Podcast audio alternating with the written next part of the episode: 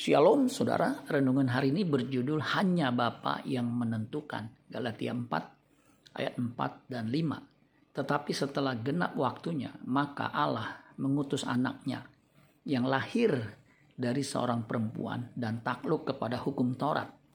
Ia diutus untuk menebus mereka yang takluk kepada hukum Taurat supaya kita diterima menjadi anak terjemahan Alkitab yang terbuka Galatia 4 ayat 4 dan 5 dikatakan begini.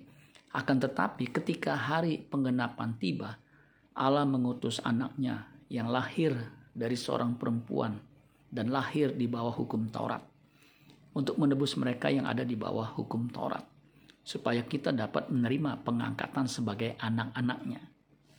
Ketika Adam dan Hawa jatuh dalam dosa, Allah berjanji akan melaksanakan penebusan itu bagi keturunan mereka. Kejadian 3 ayat 15. Aku akan mengadakan permusuhan antara engkau dan perempuan ini, antara keturunanmu dan keturunannya. Keturunannya akan meremukkan kepalamu, dan engkau akan meremukkan tumitnya. Ketika Kristus datang ke dunia 2000 tahun lalu, adalah penggenapan janji Allah. Itulah waktu yang tepat. Jika kedatangan Tuhan Yesus digenapi dengan tepat maka kedatangannya kembali pasti juga akan digenapi. Matius 24 ayat 36. Tetapi tentang hari dan saat itu tidak seorang pun yang tahu. Malaikat-malaikat di sorga tidak. Dan anak pun tidak, hanya Bapa sendiri. Kapan kedatangannya kembali? Tidak ada seorang pun yang tahu, hanya Bapa sendiri yang tahu.